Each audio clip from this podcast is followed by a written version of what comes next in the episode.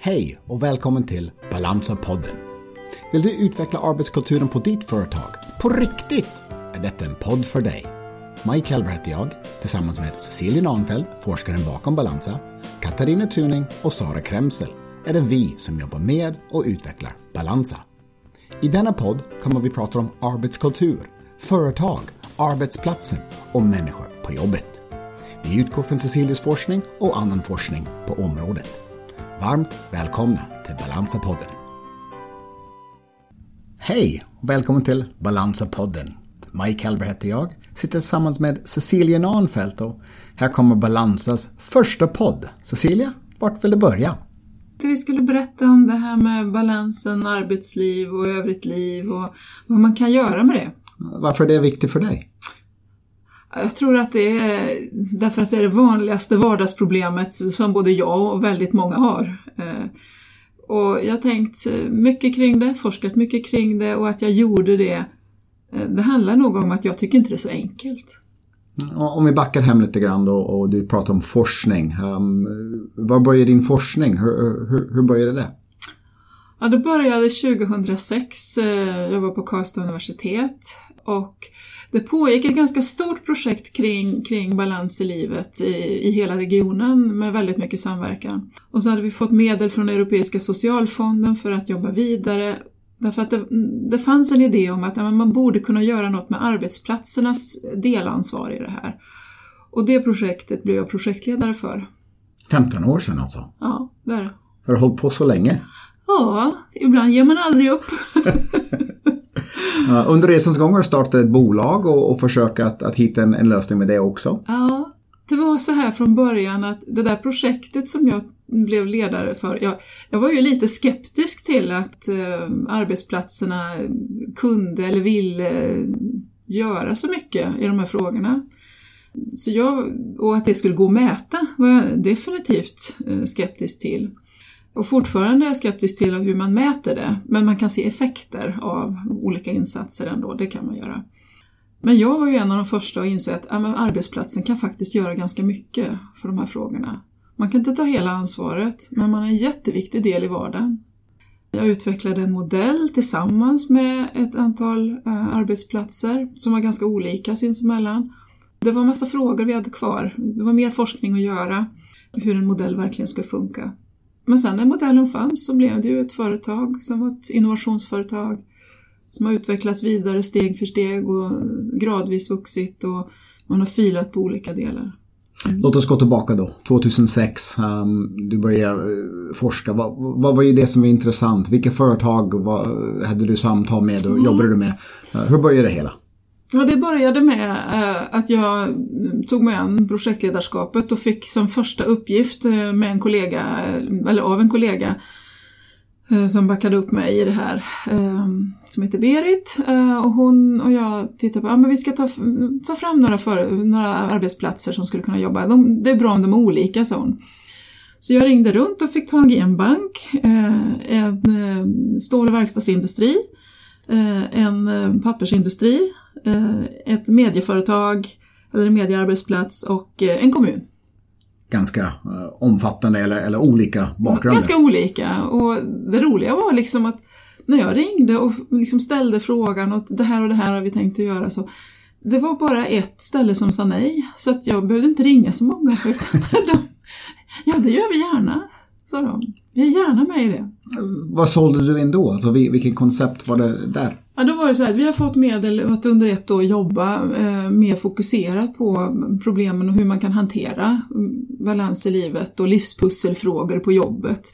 Är ni intresserade av att vara med? Vi tänker ha fem utbildningstillfällen för ett antal och vi skulle vilja ha minst två från varje ställe med. Och jag hade Ja, minst två, det var fem från ett par av arbetsplatserna och så, så att eh, vi var ganska många som under ett år träffades Eh, och diskuterade och fick eh, olika föreläsningar in och, och utvecklade modeller och de tog mig hem och testade olika saker. Var det här det första det började med, med forskningen eller fanns det forskningen innan? Eller? Det, det, fanns en del forskning men det fanns ju ett pågående samtal i regionen också.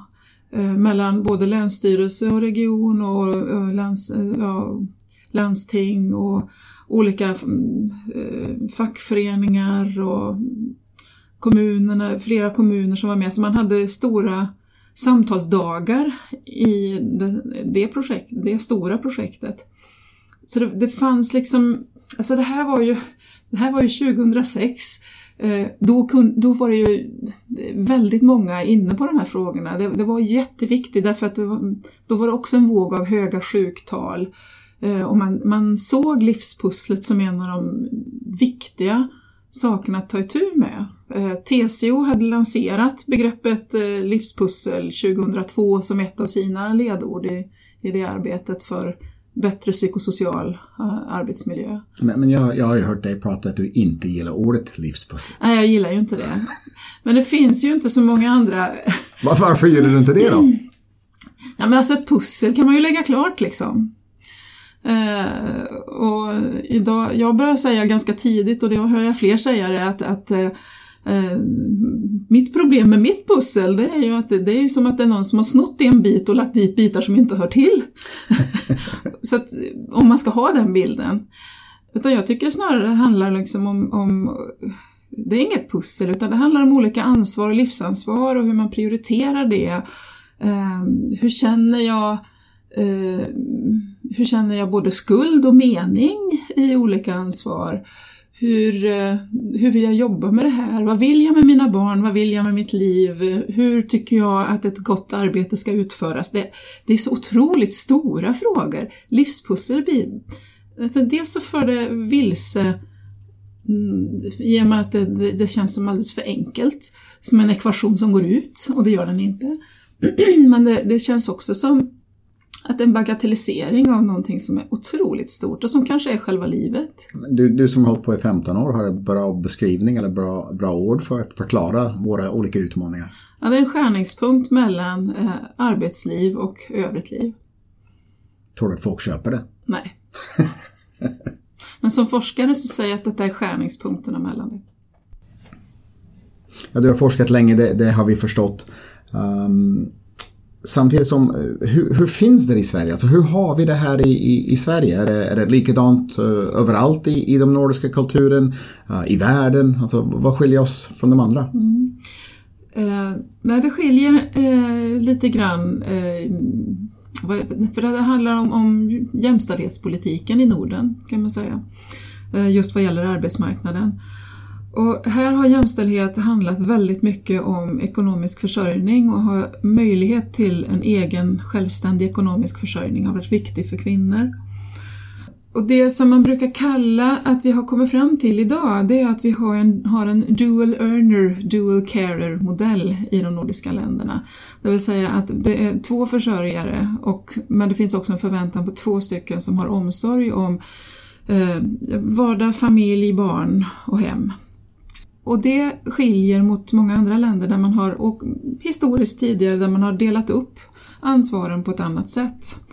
Eh, för det är inte så att alltså alla behöver försörja sig, alla har ett hem man behöver ta hand om.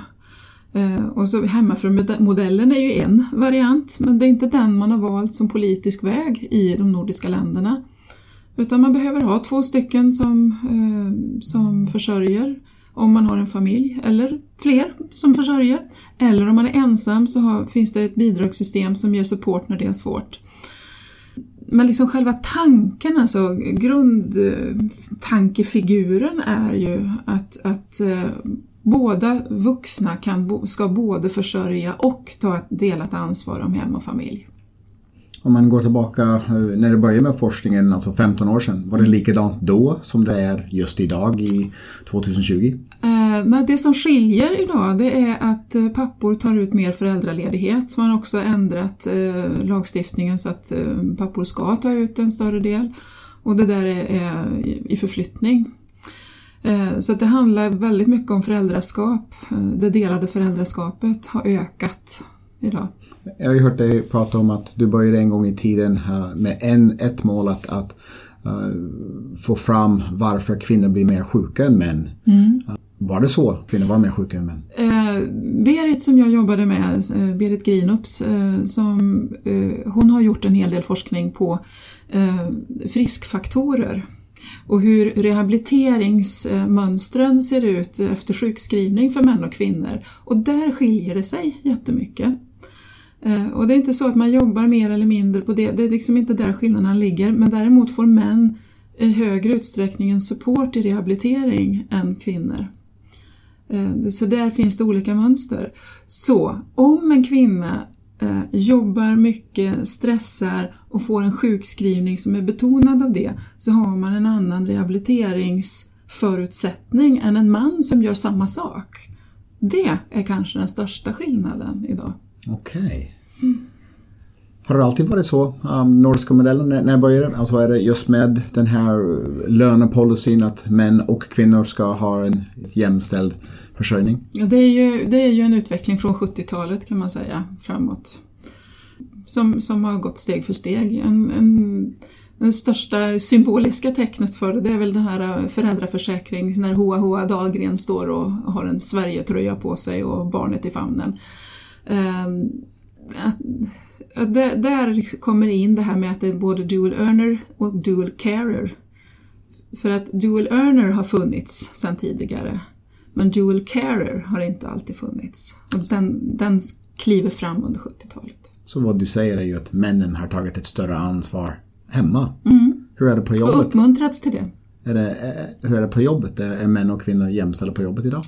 Eh, nej, det kan man inte heller säga. Eh, inte på den generella nivån.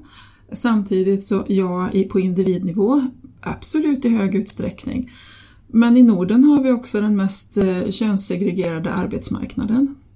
Det vill säga kvinnor jobbar i högre utsträckning i, i eh, vård och omsorgsyrken, undervisande yrken, medan män i tekniska yrken, produktion, ekonomi. Så att eh, nej, det är inte jämställt rätt över, det är det inte. Hur har det påverkat din forskning?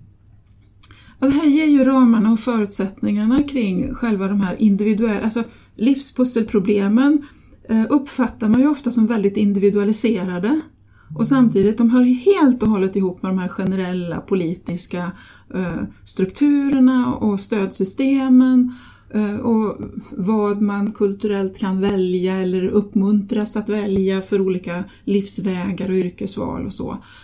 Så att alltså individ och, och, och samhälle hör ju ihop eh, och påverkas av vartannat. Men individen blir sjuk? Individen blir sjuk och individen eh, ställs till ansvar för att välja bättre och rehabilitera sig. Själv? Själv. Ja, som ni märker att det är någonting som, som Cecilia ska prata mer om. Just den här med, eh, är det gruppens ansvar, är det individens ansvar? Men det, det ska vi uh, komma in på lite längre fram. Uh, finns det någonting som, som har stickit ut speciellt i, i din forskningstid och, och någonting som du tänker att här har jag gjort någonting som är ju exceptionellt bra, skrivit en bok eller gjort någonting annat? Det som, det som känns viktigast är ju att som forskare ta ett kliv längre. Eh, att inte bara skriva boken och skriva och, ge intervjuer eller eh, ha föreläsningar, vilket jag också har, absolut. Men att ta ett steg längre och försöka ha en modell som eh, hanterar, löser det, är kanske att säga för mycket för att det är i så fall människor som löser sina situationer. Men att ge stöd för att hantera de här situationerna på andra sätt. Och ge konkreta verktyg för chefer på arbetsplatser, för företag och organisationer att förstå sig på vilka förutsättningar som behövs för att underlätta de här prioriteringarna som individer och medarbetare gör. Tiden, är det rätt i tiden nu för att prata i sådana här frågor? Vi är å ena sidan alltid rätt i tiden och å andra sidan är det nästan alltid fel i tiden. För det finns alltid något annat att välja före det här. Just därför att man tänker att det här är individens problem. Alltså den stora utmaningen i, i det jag jobbar med det handlar om att säga att nej, men det här är ett delat problem och vissa delar ligger på en organisationsnivå och det ligger faktiskt på arbetsgivare och chefer att ge utrymme för och att prioritera resurser i tid framförallt för, för att ge utrymme till en gemensam reflektion på en arbetsplats. Att flytta in de här frågorna om livspusslet på arbetsplatsen är ju normbrytande. Därför att det vanligaste sättet att hantera det är att säga ja men jag jobbar på jobbet och så är vi hemma när vi är hemma och privata saker tar vi inte med till jobbet. Men samtidigt i en tid nu när vi jobbar hemifrån mycket och särskilt kanske nu. Eh, man kan inte riktigt tänka så, det är inte så det funkar. Och det har aldrig funkat så. Jag, jag, jag, skulle gärna vilja berätta något annat men jag pratade med min pappa om den här och, och han säger till mig rakt ut Håll isär de här två saker. Ja. Ditt privatliv håller du hemma och ditt arbetsliv har du på jobbet. Och ja. Jag var faktiskt inne och sa med, med farsan, alltså, hade du mobiltelefon då och, och när checkar du in på, på kontoret? Ja, ungefär klockan åtta. När checkar du ut? Ja, ungefär, ungefär halv fem någonstans. Ja, men tänkte du på jobbet efter? Nej, nej, nej. Hur ska jag tänka? Jag hade sex barn att ta hand om. Mm. Så, mm. så någonstans, någonstans har han inte riktigt uh, insett att uh, världen är lite annorlunda idag än vad det var då.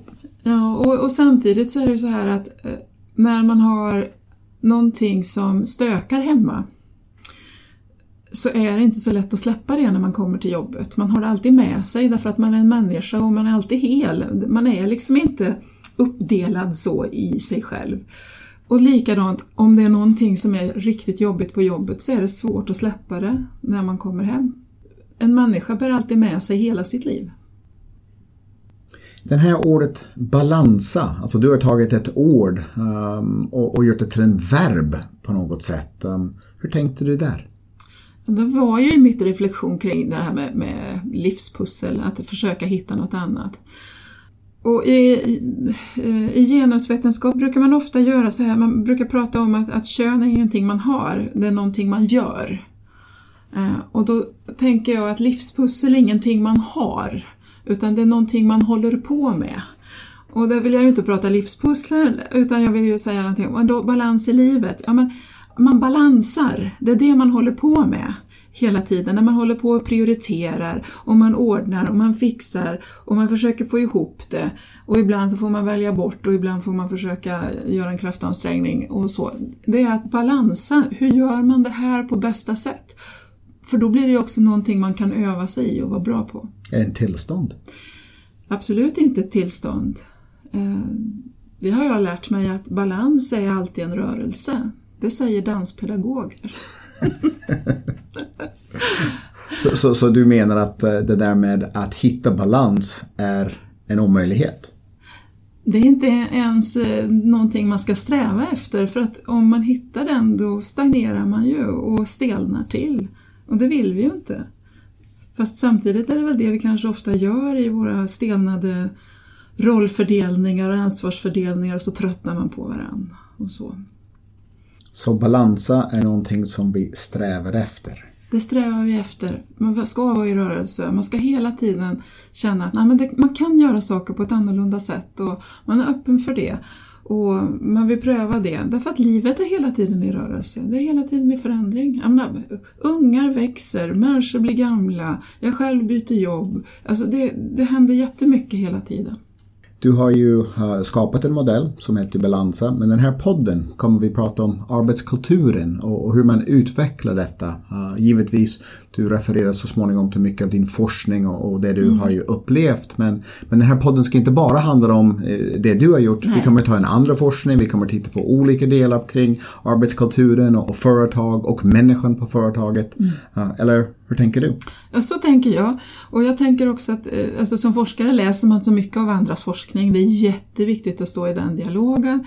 Men för mig är det minst lika viktigt att stå i den här dialogen med arbetsplatser, med människor som lever mitt uppe i olika saker, med chefer som tar svåra beslut. Också utifrån mina egna erfarenheter som chef. För mina senaste år så har jag ju varit chef också. Och försökt hjälpa mina medarbetare med hur man får ihop vardagen. Och det är inte enkelt, men det går. Och när det går så man tycker ju att det är fantastiskt. Dessutom som chef, man får ju följa en massa människors liv. Och det är en jättegåva att få vara så nära. Du, um, tack för idag. Tack så mycket. Vår första podd är avslutad och vi räknar ju att uh, komma ut med flera förstås. Prata arbetskulturfrågor och allt vad det innebär. Bra. Tack för att ni lyssnade till Balansa-podden. Vill ni komma i kontakt med oss finns vår information på balansa.se. Tills nästa gång, hej då!